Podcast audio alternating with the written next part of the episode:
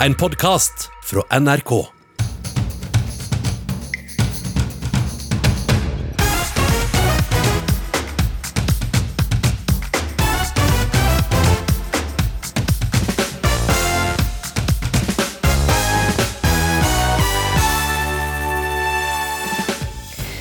Det ble et kappløp mot tida for dem som tok kveldsflyene hjem fra Spania i går. Gentlemen, welcome to uh, Oslo Airport, where we have landed uh, 20 minutes ahead of uh, schedule. Please remain seated. Og Kjell Elvis har satt ny verdensrekord i natt. Han har sunget Elvis-låter i over 50 timer. Er folk mer opptatt av Instagram-glammen enn selve fjellturen? Kjersti Westeng tar et oppgjør med turidyllen. At det ser så glamorøst ut da, å være på tur, og så syns jeg det, liksom, det ødelegger litt, fordi, fordi det er ikke så glamorøst å være på tur. Og tegnehanne treffer spikeren på hodet, mener fødselslege Torbjørn Broch Steen. Hun ble overlatt til seg selv i nesten tolv timer da fødselen ble satt i gang.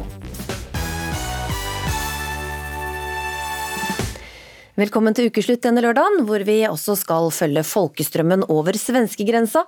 Og vi skal lovprise måkene. Ja, du hørte riktig. Vi skal nemlig møte en som elsker måkeskrik. Mange svenske grensebutikker trakk et eh, lettelsens sukk i går, da Norge igjen åpnet opp for å reise til flere svenske regioner, bl.a. Värmland. Norske tollere de har eh, advart om at det kan bli mye kø for å komme inn i Norge igjen pga. passkontrollen. Reporter Håkon Hov eh, Martinsen, du er i Årgjeng, rett over grensa for det gamle Østfold. Har mange nordmenn satsa på harryhandel i dag? Du, det har de absolutt gjort. Vi har traktert gatene her i, i, Sverige nå et par timer og har sett uh, to svenske biler hittil. Resten har uh, norske flagg på seg. Um, bortsett fra det så er det regelrett rolig utenfor Systembolaget akkurat nå, men vi har fått med oss to her som har kjøpt det de trenger for de neste helgene. Kan jeg få navnet på dere? Bård. Bård, ja. Og Mariann. Yes. Hvor er dere fra? Riser. Dere er fra Risør, ja. Her, eh, her ser vi en del breezer og eh, sider. Eh, Hvor deilig var det for dere at det åpnet nå? Nei, veldig bra. Egentlig er det med billigere her enn i Norge. Så får du få en tur òg. Ja, hvordan, hvordan tenker dere det med at det er, det er akkurat blitt åpna nå?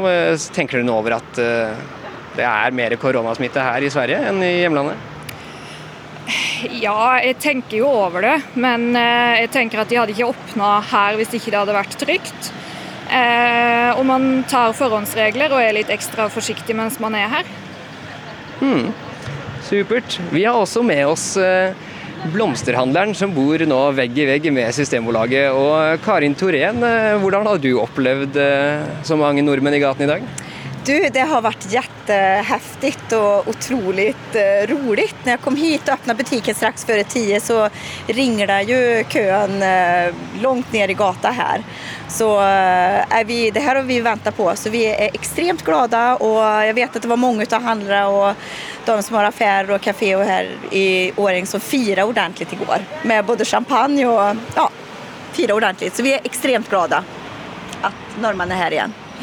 Supert. Blir det mer blomster her nå, selv om når køen har gått rett forbi vinduet på butikken din? Nei, jeg tenkte vel kanskje det at det var noen som skulle slinke inn, men det kjennes som det är eh, eh, systemet som eh, de, eh, det er liksom prio ett idag.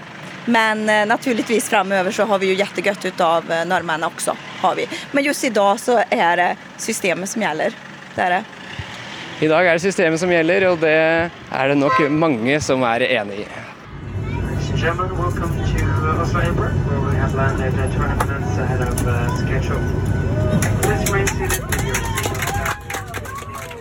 Lettelsen var stor da flyet fra Malaga i Spania landet 20 minutter før midnatt. Dermed slipper alle passasjerene ti dagers karantene, etter at Spania fra klokka 24 gikk tilbake til rødt nivå. Og For å rekke det så måtte kveldsflyene skru opp tempoet i går, og det siste flyet landa bare fire minutter på tolv. Annelise Rolland, du reiste ned til ferieboligen i Spania i forrige uke, men så måtte du snu på hælen og komme deg hjem eh, i går. Hvordan var det å lande bare minutter unna og måtte sitte i karantene? Det, var, det ble en veldig spennende tur, det kan man trygt si. Eh, Flyet skulle egentlig lande fem på tolv, så vi var litt usikre på om vi i det hele tatt skulle ta det flyet, fordi det er jo fort gjort å ha en forsinkelse. Men datteren min og jeg ble enige om at vi skulle gjøre det, så da fikk vi også være live reportere for NRK. Det var faktisk litt morsomt å oppleve, for en gangs skyld. Hvilke konsekvenser ville det fått for deg da, om du måtte ha gått i karantene? For meg ville det ikke vært farlig i det hele tatt. Jeg kan godt være hjemme, kan jobbe hjemme, har ferie for så vidt, så det, det hadde gått fint. Verre for datteren min som da å sitte i karantene ti dager i ferien. Og så Samtidig må jeg også si at vi kom fra et område hvor det var et smitte på 11, som ganske langt unna det strenge tallet på 20. Vi føler at vi var et trygt sted. Mm. Og Dere hadde sikkert gleda dere til sol og, og sydenvarme, men hvordan, hvordan ble uka egentlig? Nei, Vi skulle vært der i ti dager, vi var der i seks dager. og For meg ble det egentlig ganske stress, men jeg fikk heldigvis gjort de tingene jeg, som jeg måtte gjøre. Datteren min fikk slappet av litt mer, heldigvis. Men det ble, det ble helt annerledes. Hadde jeg visst hvordan det ble forhånd, hadde jeg virkelig ikke dratt.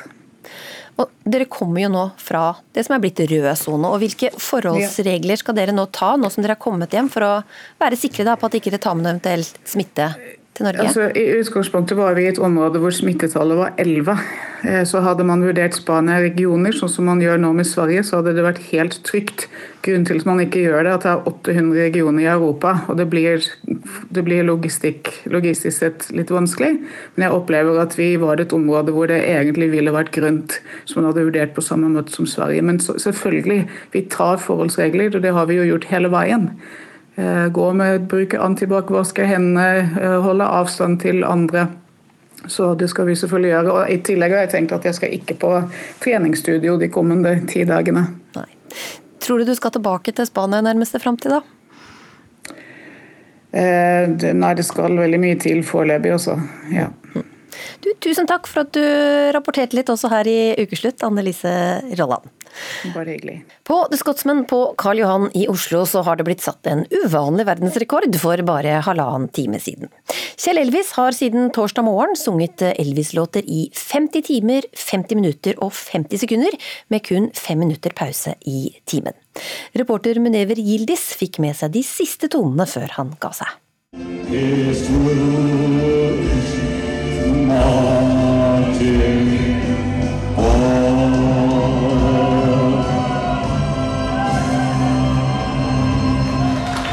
Jeg skal love å gjøre dette mer igjen. Gratulerer. Hvordan er det å ta tilbake rekorden? Det er en fantastisk følelse, og uh, den hører hjemme i Norge, og her skal den bli. Hvordan føler du deg nå? Jeg føler meg euforisk, lykkelig, litt gira, for jeg har syngt i 50 timer. Så uh, det skal bli godt å lande. Men jeg er veldig glad, og har hatt fantastiske mennesker rundt meg. Her. Eh, når var det det begynte å bli vanskelig for deg eh, mens du sang? Det var begge nettene. Jeg fikk litt panikk etter jeg gikk for hardt ut og mista stemmen. Ikke mista, men jeg fikk problemer på kvelden. Så da måtte jeg bare tenke rett mentalt og bare roe det ned og kose meg og prøve å redde det. Og det, jeg klarte det. Men jeg sleit litt på natta, for jeg er ikke flink til å være våken om nettene. Så jeg måtte ha hjelp av ernæringseksperten Astrid Furholt og hennes team som gjorde at jeg fikk i meg det jeg måtte ha for å holde meg våken. Men hva med mat og sånt? Kan du spise underveis? Jeg spiste bare Herbalife-produkter fra Astrid. Det er bare sånn shake, sånn at du slipper å gå på do, så å si. Jeg måtte bare bli kvitt uh, Gå på do og tisse, som det heter. Men uh, så magen var veldig lett, og det er veldig viktig for alle idrettsutøvere, at du vet hvor du er. det. Ja. Men uh, hvordan har du forberedt deg til dette her? Mentalt så har jeg forberedt meg i flere måneder. Og du må bestemme deg at når du kommer her, så skal du kose deg. Du skal bare liksom hente premien, og jobben er gjort før du kommer, egentlig. For at du må være ferdig bestemt på at dette her skal du uansett gjennomføre og klare. Du, Hvordan skal du feire rekorden? da?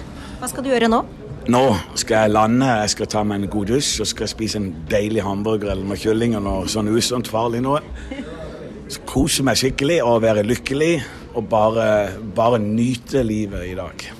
Tusen takk. Kos deg videre. Takk skal du ha. Da var det tredje rekorden fra Kjell Elvis. Nå skal han altså hjem og slappe av, dusje og spise noe som han ikke har spist på en stund, nemlig en hamburger. Og Verdensrekordforsøket har han også brukt til å samle inn penger, hvor deler av beløpet skal gå til å bygge nytt sykehus for flyktninger i Myanmar. Måkene i Tromsø koser seg med både kebab og is, men både folk og næringsliv har fått nok av de innpåslitne fuglene. Det er jo et bråk og et spetakkel og uh, skittent her også. De er så aggressive at det er jo helt skummelt. Mm. Ja. Det var på Prestvann, det var en som var helt oppi hodet på meg. Britney Spears-fansen tror idolet trenger å settes fri. Siden 2007 har hun hatt verge, og fansen tolker alt fra øyevipper til klesfarge som rop om hjelp. Tegnehanne treffer spikeren på hodet, mener fødselslege ved Oslo universitetssykehus Torbjørn Broch Steen. Hanne Sigbjørnsen tegnet sin egen fødsel, og forteller bl.a. om at hun ble liggende alene i mange timer etter at hun ble igangsatt, til tross for at fødselen faktisk var i gang. I Dagsnytt 18 fortalte hun at hun følte hun ikke ble tatt på alvor.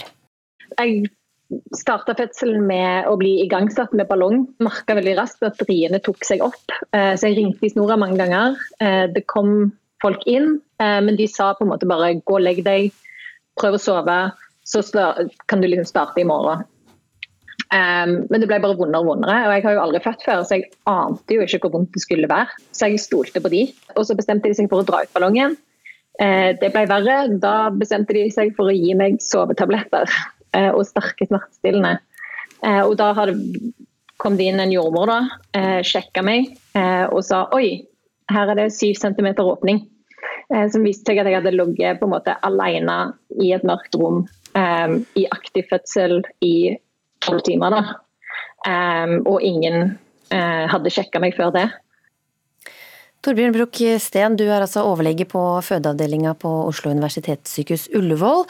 Hvordan mener du tegnehanne traff spikeren eh, på hodet?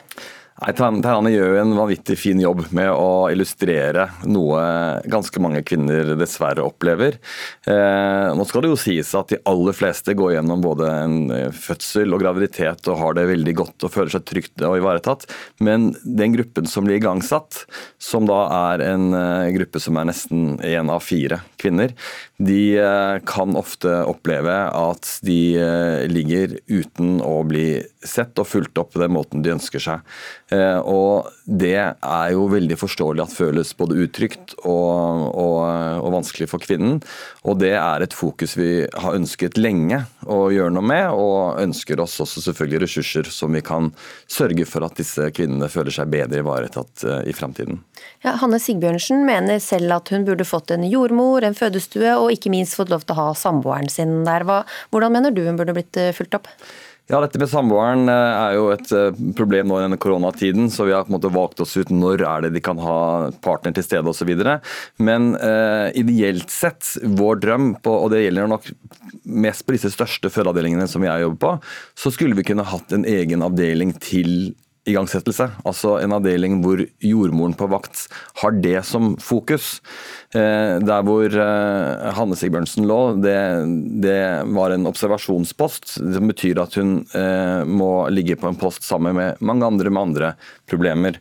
La oss si kvinner med høyt blodtrykk eller blødninger osv. Og, så og da må nødvendigvis jordmor gjøre noen vurderinger og sånt. Og nå vet ikke jeg helt nøyaktig hvordan den kvelden var når hun lå på sykehuset, men antageligvis så, så er det vanskelig for jordmødre å ha full fokus på de forskjellige kvinnene hvis de også har mange arbeidsoppgaver eh, i tillegg som tar fokuset. Anne Grete Erlandsen, statssekretær i Helse- og omsorgsdepartementet.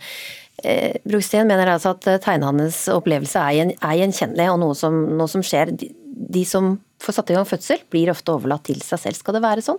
Nei. Det skal det ikke. Nei, hva? Eh, også rent politisk sett, eh, og det er litt viktig for meg å si at eh, det politiske oppdraget som vi har gitt til sykehusene, er at kvinner i aktiv fødsel skal ha noen til stede. Men da må noen finne ut at fødselen er, er i aktiv fase. Eh, og det er jo det som er utfordringen her. Og jeg må jo bare si at eh, Tegnehanne, som jo selv er sykepleier, har eh, som du sier, truffet spikeren på hodet. og Hun beskriver nok noe som mange har opplevd, og hun har gjort det på en veldig god måte. Bruksten, hva mener du må til da, for at eh, ikke flere skal fortsette å oppleve det her? Nei, Jeg tenker jo som så at eh, det å vurdere en fødsel, den der aktive fase, kan være vanskelig. Så liksom, la oss legge det til grunn. Men, men eh, det er et nasjonalt mål, selv om leder av Jordmorforbundet mener at ikke alle kvinner får den én-til-én-oppfølgingen som de skal ha under aktiv fødsel. Men så bør det også være, etter min mening, da nettopp en avdeling, eller i hvert fall eh, nok ressurser til at de igangsatte blir sett, eh, og at man ikke da må dele fokus med andre. Og Det er et problem, fordi hvis man skal få til det, så må man øke ressurser med tanke på ansatte. Eh, nå har det skjedd på OUS. Vi har fått flere jordmødre, og vi har gjort om litt på stillingene senest i fjor. Men, eh, men, eh, i tillegg så mener jo jeg at man burde ha en type egen avdeling, eller i hvert fall legge det på et sted hvor, hvor man vet at da er det jordmødre som jobber kun med disse kvinnene, og ikke mye annet. Erlandsen, er dette realistisk å få til? Det får vi håpe at det kan bli. Og noe av det som faktisk er viktig, det er at eh, de to jordmorforeningene i Norge, Jordmorforbundet og Jordmorforeningen, har fortalt oss eh, over lang tid at eh, gruppa fødende har endra seg over tid. Eh, og så har nok de eh, endringene skjedd gradvis, eh, så vi kanskje ikke oppdaga dem godt nok. Så vi ba da Helsedirektoratet ta med seg disse to jordmorforeningene og Gynekologisk forening og sette seg ned. og Vi ba dem om en rapport på hvordan ser det faktisk ut. Og Den fikk vi nå i mars rett før koronaen eksploderte hos oss. Eh, og det er et veldig viktig grunnlag for oss. Så viktig at når vi da skulle revidere oppdragene til sykehusene for i år, for det måtte vi gjøre når korona har tatt så mye ressurser, så ga vi dem ett av to nye oppdrag gikk da i forhold til fødselsomsorgen. Og vi sa at nå må dere gå inn og se på om det er nok ressurser til de fødende, sånn som fødende har det i dag. Fordi hvis vi måler hvordan de hadde det for ti år siden, så er ressursbehovet større. Mm. Så det er vi enig i. Ja, for den rapporten slår fast det at man må vurdere å øke, øke ressursene, ja. pengene. Ja. ja. Kommer det til å komme mer penger til ja, det, fødeavdelingene? Det har jo kommet uh, penger til, uh, mer penger til sykehusene. Eh, nå får vi se, litt vanskelig å gjøre opp eh, budsjetter og regnskap for 2020, for det er sånn levende materie pga. koronaen. Men det vi har sagt til, til, eh, de regionale helseforetakene, er at det som er beskrevet av både kompetanse og ressursbehov i den rapporten, det skal de legge til grunn, og revidere det, hvordan de jobber i dag. Og jeg syns det er spennende det du sier, med at dere er egentlig i gang med å tenke hvordan kan vi organisere dette bedre. Fordi det er jo noe av det som vi ønsker ønsker. En ting er at vi kan liksom gi et sånt eh, si, pålegg ovenfra, men det er jo den dialogen dere har internt på avdelinga hos dere med ledelsen, den er kjempeviktig. Og så har jeg lyst til å si en ting til også. fordi at Jeg vet at eh, jeg tipper at du som lege er veldig opptatt av finansieringssystemer og sånn. Eh, det pleier leger nemlig å være.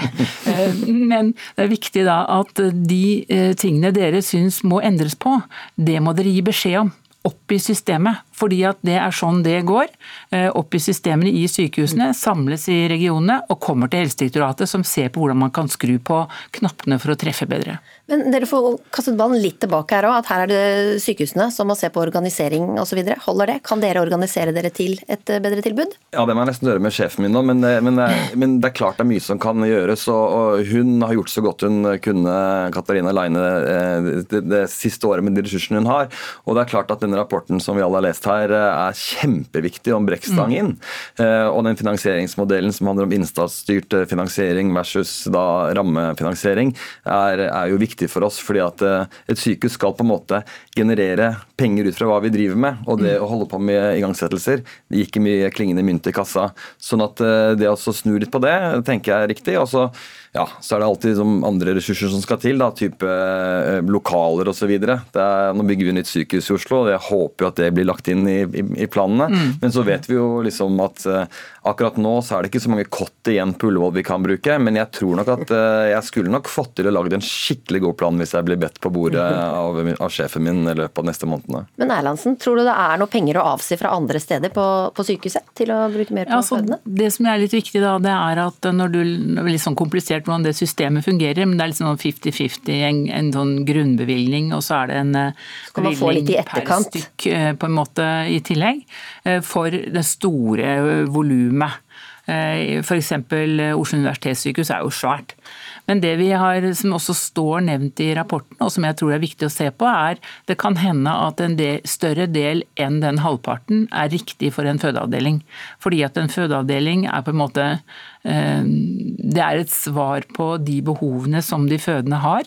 Eh, det har for det første noe med antall å gjøre, og så har vi vært veldig blindtenkende på antall. Men når vi nå vet at de fødende i dag krever mer enn før, og det er ikke fordi de er blitt mer kravstore, men det er fordi at de bl.a. er eldre, og dette her er noe du jobber med til daglig kan si mye om, men det betyr at de trenger mer oppfølging og mer hjelp underveis. Det er jo det vi prøver å ta tak i her. Og det må man se på. Nemlig, og det, litt av tanken her også er jo at uh, en fødsel uh, er jo noe akutt. Altså, vi kan ikke planlegge at mandag, tirsdag, onsdag blir det sånn. Noen ting kan vi gjøre det med, men de aller fleste kommer inn med rier eller får beskjed om at man setter i gang i morgen for en eller annen grunn. Og det er den der akuttberedskapen som, eh, som eh, vi må på en måte finansieres opp mot. På samme måte som et akuttmottak skal kunne ta imot masseskadde, så skal vi kunne ta imot massefødende. Mm. Så, men, men, eh, her er vi jo i god dialog og ikke i, i, motsetning, så jeg tenker jo at det er en eh, lys framtid. Jeg håper jo at tegnehandel kommer til å oppleve neste runde på en helt annen måte. Da får vi siste ord. Takk skal dere ha, overlege Torbjørn Brokstien og statssekretær Anne Grete Erlandsen.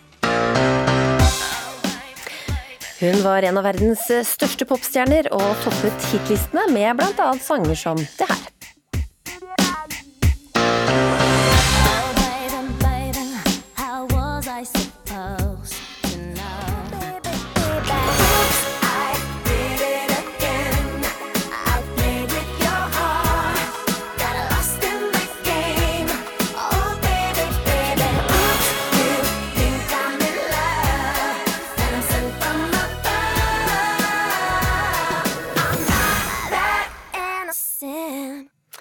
Snakker selvfølgelig om Britney Spears, som det nå sirkulerer en rekke konspirasjonsteorier rundt. Tusenvis av fans leter etter skjulte spor om at popstjerna trenger hjelp, og bevegelsen Free Britney har vokst fram. Bare Viken, programleder her i NRK Nyheter, har også vokst opp med Britney på, på øret. Hva handler Free Britney om? For å forstå hva Free Britney handler om, så må vi faktisk tilbake til 2007. Eh, for da hadde Britney sitt store mentale sammenbrudd som gjorde at eh, faren ble satt som vergen hennes. Og grunnen til at det fortsatt er en sak, er fordi at nå mener fansen at det har gått så langt at hun ikke får styre noen ting i livet sitt. Faren har kontroll på all økonomien, når hun får møte barna, hvem hun får eh, være sammen med og gifte seg med, og om hun får lov til å gå på Starbucks eller ikke. Så det er derfor det blusser opp igjen nå, og spesielt med tanke på at det skulle vært en høring da 22.07, som nå er utsatt til 22.8. Og hva er det hun må, må frigjøres fra? Er det faren?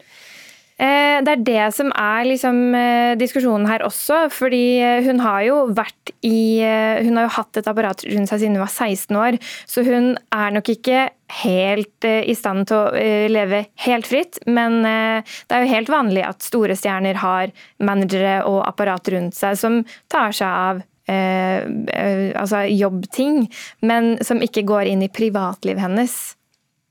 Men hva, hva, hva går disse konspirasjonene ut på, da? Det siste nå eh, er vel de tingene hun har lagt ut på sosiale medier. For så la hun ut en video på TikTok i en svart kjole. Så var det noen som kommenterte at dersom du trenger hjelp, så ta på deg noe gult neste gang. Og så la hun ut en video i en gul topp, og til og med i caption under videoen, i teksten under videoen, så sto det at jeg måtte bare ta på meg denne gule toppen eh, og vise frem disse fine blomstene. Eh, og så var det hun som kommenterte på den videoen dersom du trenger hjelp, ta på deg noe blått neste gang. Så la hun ut et bilde på Instagram i en blå topp. Altså, Morten Hegseth, journalist i, i, VG. Du har jo intervjuet Britney i 2014. Hvordan opplevde du det? Altså det, var, altså det, er jo en såkalt sånn eh, pressejunket. Jeg skulle intervjue henne på Ekeberg i forbindelse med lanseringa av et undertøyskolleksjon. og det er jo liksom Grunnen til at jeg ikke har gjort så mange junkets i mitt liv, er jo fordi at amerikanske superstjerner de stiller jo ikke opp liksom, på et fritt intervju som oftest. Da må du sende inn spørsmål, du må få det godkjent, og så må du ta med deg de spørsmåla og så må du fremføre det som et slags teaterstykke. og Så får du noen innøvde, dritkjedelige svar. Eh, det var òg prosedyren eh, når Britney var der. Jeg var litt, sånn, jeg er litt sussete i huet av meg, så jeg skjønte ikke de greiene der. Jeg sendte inn noen greier, jeg trodde det var stikkord, så kom jeg dit og så stilte jeg noen spørsmål eh, som ikke liksom var helt etter boka. Og for det første, så Når hun så meg, så ble hun helt sjokkert over at jeg var 201 cm. Så sa hun Oh my God, it's a Norwegian giant! Eh, og så tok hun bilde og la det ut på Instagram, Twitter og Facebook. Fremdeles bitter for at hun ikke atta meg, så jeg hadde fått eh, flere hundre tusen følgere, men det får være. Eh, og så gjorde vi intervjuet, og så stilte jeg noen spørsmål. Så var det veldig sånn Hun hadde med seg mora si, eh, jeg lurer på om faren var der. Det var i hvert fall 20 mennesker som satt bak kamera når vi gjorde intervjuet. Og alle spørsmålene jeg stilte, så snudde hun seg mot dette liksom managementet på totalt 20 personer. Og kikka usikkert på dem, svarte, så dit, og så nikka de om det var bra, rista på hodet om det ikke var bra. Husker, altså, Det var ganske sånn basic spørsmål. Jeg husker jeg stilte, jeg stilte et sånt spørsmål sånn Tror du det er verre eller eh, bedre å være tenåringsjente i dag enn da du liksom uh, breaka med eh, Hit Me Baby One More Time? Og Da fomla hun veldig etter sånn Jeg husker hun var sånn Ja, mm, det er jo flere datamaskiner i dag. Og når hun begynte liksom å svare på det, så var det sånn Kutt! Og så var det liksom lenge fare for at vi ikke kom til å få sende intervjuet, for at det liksom ble for kompliserte spørsmål for henne. Så jeg opplevde jo at hun var under liksom veldig sånn stor kontroll, og uh, at det var liksom jeg, hun, jeg opplevde henne ikke som fri, hvis jeg skal si det sånn. Hva tenker du om den Free Britney-bevegelsen, da? Nei, altså Jeg heier på Free Britney-bevegelsen. Hun er på en måte hva skal jeg si for noe, popverdens svar på Natasha Kampuch. på en måte. Hun har sittet i fangenskap og er kontrollert av mennesker og faren og eh, menn i bransjen når hun Altså, hun har en verge, og vi skal huske på at det å ha verge det er egentlig eh, noe som folk som er veldig mentalt utfordra skal ha, eller er mentalt tilbakestående. Britney Spears har eh, turnert verden rundt. Hun har hatt Las Vegas-show, hun har lansert sminkekolleksjoner, hun har lansert undertøyskolleksjoner. Hun har tjent milliarder av dollar. og dette er på en måte, det er, ikke noe, det er ikke noe logikk i at faren hennes skal bestemme om hun skal gå på Starbucks og gi henne ukelønn og betale gutter for å date henne. så det er jo jo uten tvil et formynderi og liksom noe som ikke er bra her. og så tenker jeg litt sånn, man, Det er liksom denne Instagram-kontoen til Britney Spears som veldig mange snakker om og som veldig mange ler av. for Hun er jo tydeligvis hun er tydelig ganske ute på den Insta-profilen. og uh, jeg tenker at Vi skal liksom, vi skal ikke kritisere Britney Spears for mye. for Vi, skal, altså, vi har vært i maks tre måneder karantene her i Norge mens koronaviruset har herja. Britney Spears har vært i karantene i ti år. Hun har sittet inne i sitt eget hus. Hun har ikke fått lov til å gå ut uten at folk har sagt at det er greit. Hun har ikke fått lov til å liksom bestemme over seg. Hun har sittet i karantene i ti år. Og Hvis jeg hadde gjort det, så hadde ikke jeg engang klart å trykke på post på Instagram-profilen min. Da hadde jeg sittet i et rom og kalt meg Laila og vært helt ute. Så eh, det at hun bare liksom er oppe og står og danser og lager liksom fine Instagram-videoer, det tenker jeg sånn, det skal vi liksom applaudere. fordi at det hun har vært igjennom, det er faktisk ikke til å tro at et menneske kan overleve. Bare Viken, eh, hvor mye tenker du vi kan stole på disse konspirasjonsteoriene, da? Um, det er jo dette som gjør saken så eh, kompleks og usikker. Fordi det er jo ingen bevis eh, verken for eller mot, egentlig. Eh, derfor er det jo liksom vanskelig å stole på det, men det er så mange hint som gjør det vanskelig å ikke tro på noe av det også. Mm. Og Hva sier familie og venner av Britney? da? Er det noen som uttaler seg? Ja, I går så var broren til Britney med i en podkast. Der han ble stilt mange spørsmål om Britney og saken. men det virka ikke som han egentlig på en måte brydde seg så mye. Han svarte f.eks. på når verten spurte han om han hadde spurt Britney hvordan hun har det for tiden, så hadde han liksom ikke gjort det. Og han har jo også jobba i apparatet rundt Britney og vært med på mange av turneene. Så det virker som at han også har blitt liksom farga av å ikke klare å skille helt på jobb og ikke-jobb. da. At alt rundt Britney for familien er på en måte jobb. Mm. Og nå blir det, altså Den høringen om hun fortsatt trenger verge, skulle jo vært den uka, men ble utsatt? Ja. Måkene har fått eh, mye tyn i det siste, og noen vil si ufortjent mye tyn, som Charlotte Hallerud. Hun er eh, marinbiolog og elsker å stå opp til måkeskrik utenfor vinduet sitt. Men dette meg til å si. Og det er Vi elsker Måker. Ja, for det finnes faktisk folk som elsker måker. Og en av dem er marinbiolog Charlotte Hallerud. De vanlige folk opplever jo at de får skremmestup og bråking over seg når de går inn og ut av en bygning f.eks., eller et eller annet. Og det det er, er jo foreldre som prøver å beskytte barna sine mot eh, det de tror er fiender. I flere år har hun ringmerket måker og sett på hvordan de oppfører seg i byer. Og én ting som imponerer Hallerud, er måkenes kløkt. De er i hvert fall smarte. Det er jo ganske imponerende, egentlig. At de finner ut at eh, hvis de bare setter seg på taket av den pølsebua og venter, så kommer det, kommer det til å komme ut noen med en pølse i hånda som de kan stikke av med. I tillegg driver måkene med ansiktsgjenkjenning, for har du gjort en måke urett én gang, så har du en fiende for livet og en hel koloni på nakken. Og på motsatt side, så hvis du er snill med en måke, så vil det også spre seg. Hvis du er, hvis du er den som mater, f.eks., så kan de fint fortelle det til de andre måkene at her, pass på, å følge, følge med her, for her er det mer sannsynlighet for å finne mat, liksom. Fortsatt ikke overbevist. Jeg ville ikke hatt en måke om du ga meg en. Hallerud har mer. En viktig rolle de har, er jo som renovatører. De er altetende, de kan spise liksom hva som helst. Eh, og det gjør jo at de rydder opp etter mye annet. Da. De spiser eh, restene etter andre dyr.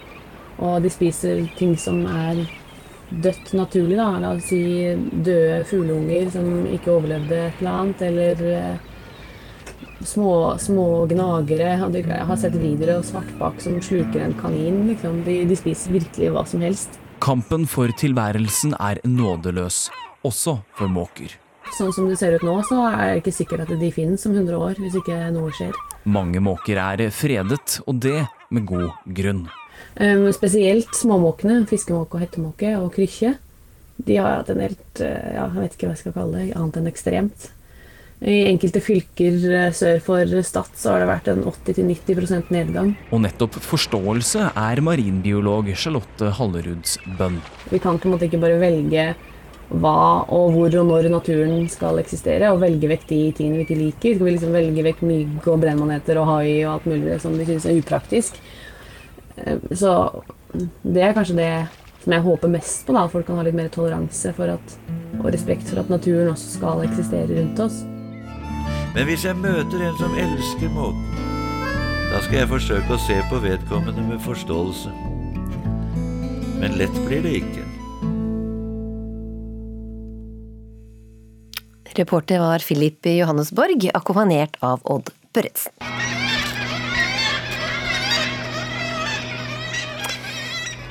Disse måkene i Tromsø vekker ikke bare god sommerstemning. Måkene snapper nemlig mat ut av hendene på folk og stuper ned mot turister som aner fred og ingen fare. Og det er kanskje ikke spesielt for måkene i Tromsø, men ifølge en rekke debattinnlegg i avisa Nordlys er problemet nå så stort at noe må gjøres. Og en av dem som har tatt eh, penn fatt og skrevet et innlegg i Nordlys, det er deg, eh, Espen eh, Krag. Forrige uke så var du og familien på ferie i, i Tromsø, og hvordan vil du beskrive turen i, i sentrum? Jo, min kone Jan og jeg gledet oss jo til å besøke Tromsø. Det var fint vær, og vi så frem til Makkel og midnattssol i det som skulle være Nordens Paris. Så ruslet vi nå litt rundt i byen og ble litt småsulten. Jeg kjøpte meg et sånt pizzastykke på, som tok med meg ut. Men det var en tabbe for min del, for, men måsen likte det. De gikk rett til angrep og stupte ned i hodet på meg. Jeg måtte rømme innendørs for å klare å få maten i fred på. Og hvilket inntrykk er det du nå sitter igjen med da, av Tromsø by etter dette? Ja, Jeg lurte jo litt på om dette var et engangstilfelle, eh, om jeg bare var uheldig eller noe sånt. Men så begynte jeg å kikke litt nøyere etter, da. Da så jeg jo det at, så jeg også andre folk som ble angrepet. Til og med en familie på en, med en relativt stor hund ble angrepet mens de satt og prøvde å spise noe mat på en benk i Tromsø. og så kikket jeg litt rundt, og da så jeg jo måsereir i nærmest alle vinduskarmer på særlig sånne forretningsbygg, og må, måseskit som rant nedover husveggene og i tjukt lag på fortauet. og Jo mer jeg kikket rundt, jo, jo mer og mer uappetittlig syns jeg det ble, og så at her har jo Tromsø virkelig et problem, en utfordring. Jarle Heitmann, måsepolitisk eh, talsperson får vi si, og gruppeleder for eh, Ap i, i Tromsø. Altså, Bekymrer det deg ikke at uh, turistene som besøker uh, Tromsø får et uh, sånt inntrykk av, av byen? Eh, jo, det er klart det, det, det kan bekymre meg eh, i den forstand at uh, vi, i, en, i, en, periode av året, noen uker, har, har, et, har mye måser i, i, sentrum av byen. Og, og, spesielt i år har det vært et betydelig, betydelig problem. Så det er klart at Hvis, hvis det, det, sørger for at turistene blir uh, skremt fra å komme, komme til Tromsø, så, så, er jo det et problem. Samtidig så er jo måsene en del av byen Tromsø. og vi, vi skal ikke fjerne måsene. Vi må ha måser i en, i, en, i en, kystby som Tromsø, som er på en måte eh, skapt på, basert på, på, fiske og fangst, og hvor måsene alltid har vært en, en naturlig del av, av, bybildet. Espen Krag, er det ikke sånn da? Man drar til Tromsø for å oppleve storslått natur, og da må man liksom ta med måkene med på, på kjøpet? Jo, men jeg syns det bør jo nesten være grenser når de går fysisk til angrep på deg. Og de, de medfører jo en viss smittefare også når de invaderer mat. og Jeg har sett i lokalavisen at de har måttet bære de ut fra kaffe- og kafébarer i Tromsø. på når må gå inn på kafeen til og med for å ta maten fra folk. Da begynner det å bli litt, litt vel mye. Jeg syns de burde prøve å få gjort noe med det på I hvert fall begynne å slutte å mate måsene, som enkelte folk finner på. på. Jarle Heitmann, hva skal, hva skal dere gjøre med dette? Det er egentlig to ting som, eh, som vi, kan, vi, kan, gjøre. Det ene er jo å fjerne som, som Espen også sier, fjerne matfatet fra, fra måsene. Det er klart at Måsene er i sentrum av en grunn. Vi har på en måte fjerna en, del av altså Menneskeskapt fjerna en del av matfatet som måsen har, og da trekker han inn til der, der Eh, folk er. Og det, det, skjer mye mating i Tromsø som, som, i sentrum som ikke burde ha skjedd. Og så har vi den her, eh, den her såkalte kebabmatinga som skjer ofte på fredag og lørdagene. Så vi er nødt på en måte å, å se på om vi kan fjerne matfat og, og, og, gjøre det som Espen sier. Det andre er egentlig å, å være forebyggende i forhold til eh, hus- og gårdeiere og næringsliv. At de kanskje blir med kommunen i en, i en dugnad på å gjøre det vanskeligere for måsen rett og slett å legge reir. Fordi når reiret er lagt og eggene er på en måte kommet i reirene, så det, kan vi ikke gjøre noe. Da, da, har, da er måsen verna og, og, etter lov. sånn at eh, det må gjøres i forkant. og det, det, her gir oss jo en mulighet til å på en måte være i forkant av neste år. I år får vi ikke gjort noe. Da må på en måte måsen leve livet sitt, for å si det sånn. Men dette, det er jo ikke første året at uh, dette er et problem i, i Tromsø. Hvorfor har dere ikke gjort noe tidligere? Nei, det, det, varierer. Det er ganske sånn sesongbetont. Jeg har bodd nå i Tromsø i nesten 30 år og opplever jo at det er sesongbetont. Og I år er det nok spesielt ille. Det kan være flere grunner til det. Vi hadde en senere vår. Eh, vi vet at eh, det har vært mindre mat i byen rett og slett fordi eh, det har vært mindre aktivitet. Det har vært mindre, mindre holdt på å si, Nordens Paris har vært litt mer stengt enn vanligvis pga. Epidemien. sånn at, at, det kan være flere grunner til at, at, det, at det er verre i år. Sånn at eh, Det gir oss unna mulighet til å være, være, forebyggende til neste år. Mm. Eh, og så er som sagt Måsene er jo ikke et, noe vi skal fjerne totalt fra bybildet. Vi må leve med måser i, i Tromsø, som er en, en kystby. sånn at eh, Tromsømåsen er på en måte både, både, beryktet, men også på en måte berømt for å være, være sånn her. Så vi, vi, lever med den normalt sett, men i år har det vært spesielt ille. Krag, du, blir du nå beroliget? Kommer du til å reise tilbake til til Tromsø etter dette? Ja, jeg syns jo det er veldig fint her i Nord-Norge. Og jeg er gift med en nordlending som har bodd deler av oppveksten i Tromsø, så jeg, jeg kommer nok til å reise tilbake igjen. Men jeg håper Tromsø gjør noen tiltak, sånn som å, det han nevnte med kebabmaten, som han kalte det på um, Det kan jo an å rydde litt på nattestid. Jeg så det fløt veldig mye burgere og kebabrester rundt i gatene, så det var jo det matfatet for måsene der på så, no, så, noe bør i hvert fall Tromsø gjøre, for jeg håper de kan få litt bukt med litt av det som jeg vil kalle et problem, i hvert fall da. Eh, måker er jo allerede en uh, trua dyreart, uh, faktisk. Du er ikke redd de vil forsvinne helt, da, hvis vi setter inn for mange tiltak?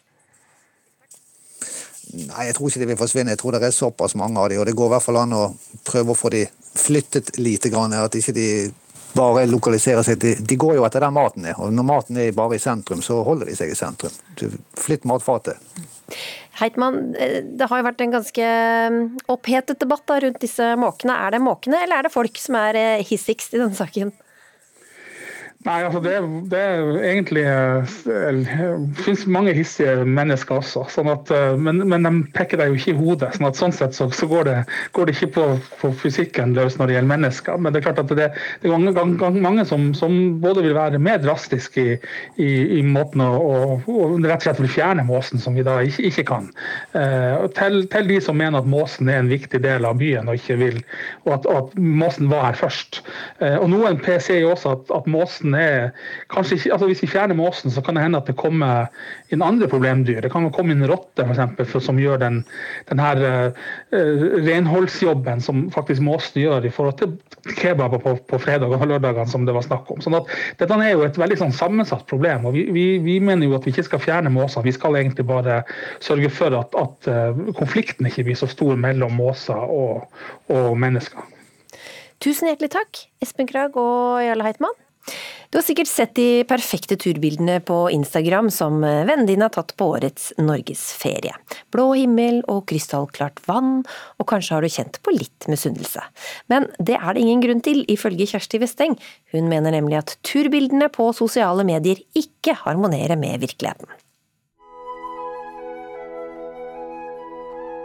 Skyfri himmel, alene på fjelltoppen, femretters middag på primus og solnedgang som tar pusten fra deg. Det her er norgesferie. At det ser så glamorøst ut da, å være på tur, og så syns jeg det, liksom, det ødelegger litt, fordi, fordi, det er ikke så glamorøst å være på tur. Det her er Kjersti Vesteng. Nylig skrev hun en kronikk på nettavisen.no der hun tar et oppgjør med turglamouren som promoteres i sosiale medier. Hun mener bildene ikke gir et realistisk syn på hvordan det er å være på tur og så begynner det å regne, og så er eh, sekken tung, og det gnager litt. Og så eh, kommer tåka, og så fikk ikke noe utsikt på toppen, og så ser jeg på Instagram, og så tenker jeg sånn OK, det her er ikke sånn som jeg hadde på tur. Det ser aldri bare helt vanlig ut, skjønner du. Det ser aldri bare litt sånn oversea ut. Som det jo ofte er. Det er mye oversea her, da. Trasker i tussmørket, kald og blaut og skinn. Sliten i beina, orker mest ingenting. Mange av bildene som postes på sosiale medier fra årets norgesferie, ser så idylliske ut at sjøl den late nordmannen vil ut og gå på tur. Kjersti mener at de her bildene ikke tas helt tilfeldig. Jeg var på uh, tur her om dagen, og da var det to jenter som satt opp i hengekøye. Og i all, hele tida jeg var der, jeg var der i én time av den tida de var der, da. Da var det utelukkende uh, fotoshoot. Og i fjor, når jeg var på Mannene, også et sånn veldig sånn populært fjell i Lofoten, så var det så mye styr oppå der, fordi det var så mye fotoshoots. Og det var liksom Kan du flytte deg? Fordi folk ønsker å ta et bilde som skal der det skal se ut som det er helt alene. Det var såpass at jeg tenkte at her tror jeg halvparten ikke hadde vært her hvis det ikke var lov å ta bilde på toppen. Da. Kjersti mener også at det ikke står på turiststyret når folk skal til fjells for første gang. Det er så glam-faktor på noen av dem som er i marka. da. Det er jo noen som har utstyret som koster liksom ja. Du bare ser at det, det du har på deg nå, koster 15 000, liksom. Så da håper jeg de går mye på tur. Tror du det? Nei. er ikke litt sånn at de som er typisk som går mye på tur, har på seg liksom fleecegenseren de fikk fra faren sin eh, til konfirmasjon. Men altså, det, det er jo motiverende med fint utstyr. Sjøl viser hun frem turutstyret hun har brukt i mange år. Skibuksa mi med hull i. Uh, den buksa her, den er jo sikkert 15 år. To rosa, to rosa ullskjorter som jeg har fått av mamma til jul. Hullete uh, Det her skal jeg faktisk Det var egentlig bra, jeg husker på det. Jeg skal faktisk kjøpe meg en ny ulltights. Altså, jeg har jo ikke så Jeg er jo ikke så fattig. Den her har jo rakna overalt. På XXL Majorstua handles det flittig turutstyr til folk som skal til fjells for første gang. Det skal gjerne, på de som er litt mer opptatt av det, sitte tight der det kanskje ikke er så funksjonabelt. Philip Kristiansen jobber der som selger, og bekrefter at det er folk som velger design over komfort og praktikalitet når det kjøpes nytt turutstyr. Nå er det jo veldig inn at det skal være så fargerikt som mulig, da. Men det er også litt i samsvar med at man skal også bli sett da, når man er ute i naturen. da. Men å sett, tenker du også bli sett på Instagram? Det er mange som er opptatt av det, eh, så ja. Og folk i Oslo som står og ser på turklær, bekrefter at design er en av tingene de ser etter når de handler nytt utstyr. Funksjonelt. Pris. Og så utseende. At det skal ja, se bra ut også. Kvalitet. Og så tenker jeg mye på om det ser fint ut. Er du opptatt av turutstyr? Eh, ja, jeg tror nok jeg er eh, det. Men det blir jo litt sånn at man man eh, koser seg med det nye utstyret, da, og da blir det ekstra morsomt å gå på tur, kanskje, som jo er litt dumt. Når du er på tur, sånn, bruker du å poste på sosiale medier? Nei, lite sosiale medier. eh, ja, det skjer vel, må jeg innrømme. Nei, du, jeg har faktisk ikke postet noen ting. man ønsker jo ofte kanskje å fremstå og legge ut uh, de bildene man sjøl liker best og syns er finest. Turinfluenser Jørgen Øyehaug deler ofte bilder på Instagram av seg sjøl i bar overkropp på høye fjelltopper og eksepsjonelle utsiktsbilder fra teltduken. Han mener at litt turglem må være lov, og at det f.eks. ikke bare er tilfeldig at det er finvær på bildene han publiserer. Det er kanskje helst da man går på fjelltur. En annen ting er jo at det, det blir de fineste bildene. Han tror ikke at folk blir skuffa av fasaden som vises på Instagram. Jeg tror ikke det er sånn at folk eh, tror, eh, tror at det alltid er finvær en plass, selv om det blir lagt ut et bilde av finvær. Men at følgerne hans heller blir inspirert til å gå på tur. Sette av tid til å ta det bildet og få tatt bilder, og så setter man av tid til å nyte den utsikten.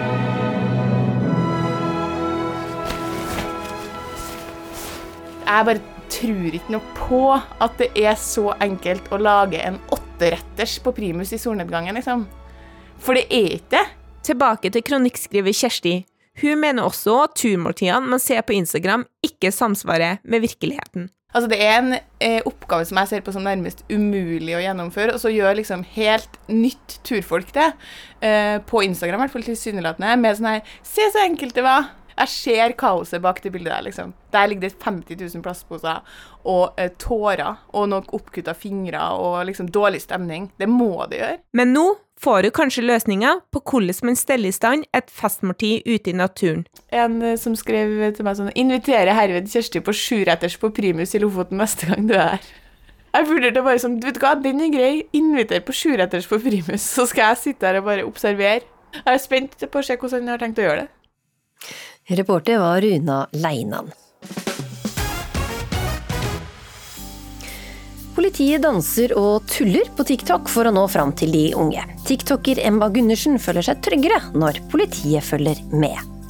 Hvert år tar De Lillos vokalist Lars Lillo Stenberg med seg kassegitaren til Tjøme og synger for en håndfull mennesker. Jeg står fritt til å spille de sangene som faller meg inn. Og snart så får du høre en av sangene som falt ham inn i år. For jeg er online, og du kan chatte med meg nå. Hei, jeg heter Frida. Jeg er politi og jobber i Nettpatruljen. Den enormt populære, men også omdiskuterte appen TikTok har ikke bare tatt barn og unge med storm. Nå ser det ut til at også politiet har knekt koden på appen, som ofte brukes til å lage små videoklipp med dansebevegelser og humor, som vi hørte litt av her. Hans Olav Ulvenes, du er eh, operatør i politiets nettpatrulje Vest, og dere har fått mer enn 175 000 følgere på TikTok. Hvorfor er det viktig at politiet er på TikTok? Jo, eh, det er viktig at vi er der, fordi vi ønsker å nå unge. Og det syns vi at vi har fått til gjennom å være på TikTok. Eh, når vi starta opp, så sleit vi å få kontakt med unge som skulle ta kontakt med politiet. Og etter at vi oppretta TikTok og fikk mange følgere der, så har mange flere tatt kontakt med Nettpatruljen og stilt spørsmål og tipsa oss. Hva er det dere bruker TikTok til, da? Først og fremst for å nå ut til unge. Både at eh, vi skal vise at eh, politiet er eh, som alle andre vanlige folk. Bygge tillit til ungdommen. Men også for at de skal kunne lettere si fra hvis de opplever noe negativt på internett. Og også for å følge med på, på TikTok. Da. Mhm. Hva er det dere får størst respons på da, fra de unge? Eh, Vi får definitivt mest eh, respons eh, på å følge trender og sånt som er på TikTok, og veldig masse positive tilbakemeldinger på det. Men vi også legger også ut det som vi kaller forebyggende budskap, for å hindre at noen blir utsatt for noe kriminelt eller kunne beskytte seg mot kriminalitet så, og uønska hendelser og det som skjer på internett. Så rett og slett kunnskapsdeling også, da. Mhm. Um, du, dere sier at dere patruljerer på TikTok. Hvordan, eh, hvordan gjør dere det? Det gjør vi ved at eh, vi får egentlig veldig masse tips om eh, ting som skjer på TikTok. Og det kan være ulike ting som er i grenseland, som er mm, negativ atferd, eller det kan være ting som er straffbare, som blir lagt ut. For det er jo som på TikTok som ellers i samfunnet, at der er det også kriminalitet. da. Og hva gjør Og da- dere da? Nei, det kan være veldig forskjellig. Eh, Det kommer veldig an på den uh, enkelte situasjonen og hvor alvorlig det er. Eh, Men vi gjør ulike tiltak, som f.eks. å eh, skrive en kommentar, ta kontakt med den det gjelder. Hvis du er unge, så tar vi ofte kontakt med foreldre og eh, forteller at eh, barnet har gjort sånn eller sånn. Eh, Ellers, så hvis det er veldig alvorlig, så oppretter man også straffesaker. da. Og hva, hva, hva slags eh, Hva er det man gjør galt på TikTok, for å si det sånn? Nei, eh, først og fremst må jeg si at det skjer veldig mye bra på TikTok. Det er en veldig kreativ plattform, og eh, ungdommen får bruke fantasien sin og utspille seg. Men det som kan skje, er jo at vi ser litt, f.eks. litt hatkontoer mot enkelte. Eh, hvor vi kan se voldsvideoer. Eh, vi kan se uønska videoer som gjelder seksualitet, eller at det blir spredd nakenbilder, nakenvideoer. Eh, Men det her kan også skje på alle andre sosiale medium, da. Mm. Så det er understreka. Vi har også med oss deg, Emma Gunnarsen. Du er en eh, populær tiktoker, og også artist og lillesøster til Markus og Martinus. Hva syns du om at eh, politiet er på TikTok? Jeg syns det er kjempebra at politiet er på TikTok for å, eh, for å passe på unge og barn. Og sjekke hva som foregår på TikTok, og det er veldig trygt nå, siden politiet er her. Følger du politiets eh, TikTok-konto, da? Ja. Hva syns du om de? Syns det er kjempebra videoer, og de er kjempekreative. Ja, hva er det du liker, da? De er Altså liksom Alle videoene deres, det er så kreativt, og det er bra videoer som gir mening og kan hjelpe folk med å kontakte dem også. Ja, de gjør en veldig bra jobb. Tror du det gjør eh, lettere for unge å melde fra om eh, ting som ikke er greit på, på nett på den måten? Ja, det tror jeg. Det, Hans Olav Ulvenes, hva slags respons har dere fått fra de unge? Eh, Først og fremst må jeg si tusen takk til Emma for eh, hyggelige tilbakemeldinger. Og vi har jo fått eh, stort sett positive tilbakemeldinger. Det hender at noen er kritiske òg, og stiller spørsmål om hvorfor politiet er der. Ehm, Og da tar vi og forklarer grunnen, og at etter at vi har begynt på TikTok, så har vi aldri fått flere meldinger fra unge. Og da er de stort sett enige og forstår logikken bak det. Og så får vi veldig masse tilbakemeldinger på at, som, som Emma sa i stad, at de syns det er trygt. eh, Ungdommen syns det er trygt, og det syns vi er veldig hyggelig å få tilbakemelding om. Og så er det som vi hørte også, jo, dere lager jo eh, rent humoristiske videoer også. Dere har f.eks. laget en sånn uniformkarusell som liksom endrer uniformen til eh, politiet til, eh, til en sånn lydeffekt. Men eh, ja, noen har jo vært eh, skeptiske til hva det gjør med respekten for eh, politiet. Dere er ikke redd for det?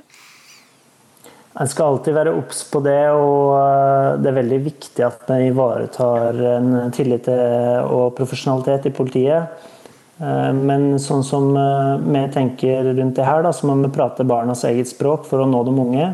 Og det er de som er på TikTok. Og vi får mest positive tilbakemeldinger på det. Så, så lenge vi er opptatt av at det ikke blir useriøst og humor på bekostning av andre, f.eks., så, så har vi positive erfaringer med det eh, til nå, da.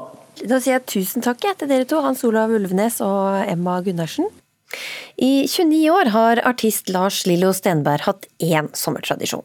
Foran en famfull mengde mennesker synger han eh, sommeren inn på galleriet Gamle Ormelett på Tjøme i Vestfold.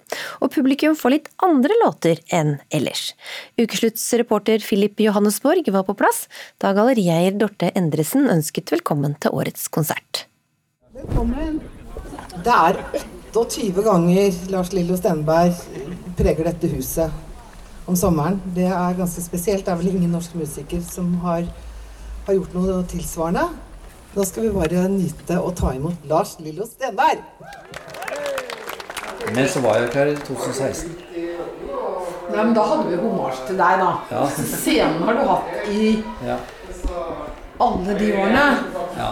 Det betyr et gammelt sted som likevel er veldig friskt og nytt hvert år, fordi i min verden så får jeg liksom møte publikum som er liksom opplært til å eh, tåle en del uh, underlige valg fra min side. Jeg står fritt til å spille de sangene som faller meg inn. Jeg heter Lars, fem år til høsten. Storgata 3. He-he-he-he. Eh, På ormlett, så blir jeg i hvert fall ikke lei. Nettopp av de grunnene jeg nevnte for deg, så at jeg står så fritt til å få gjøre boltre meg på den måten jeg gjør. Jeg kan si R, ordentlig, ordentlig R. Du kan ikke det. He-he-he-he. Eh, Nå er det Se bort her på, på, på kokeplaten at det står noe som jeg vet ikke om det må være oss det har tenkt til, kanskje? Noe sånn deilig suppe. Det ser sånn ut. Så jeg må jo skal ikke ta den helt ut i kveld. Det var en gang en sommer i 1993 Hvor alt var så behagelig langs Norges kyst et sted. Ukeslutt har eh, tatt deg med på både rush til svenskegrensa og Elvis-rekord i dag. Det har vært både måkeelsk og måkehat og politipatrulje på TikTok. Men nå er vi kommet dit at Ukeslutt må takke for seg denne lørdagen. Ansvarlig for sendinga Ina Swann. Teknisk ansvarlig Frode Thorshaug, og her i studio har du hørt meg, Linn Beate Gabrielsen.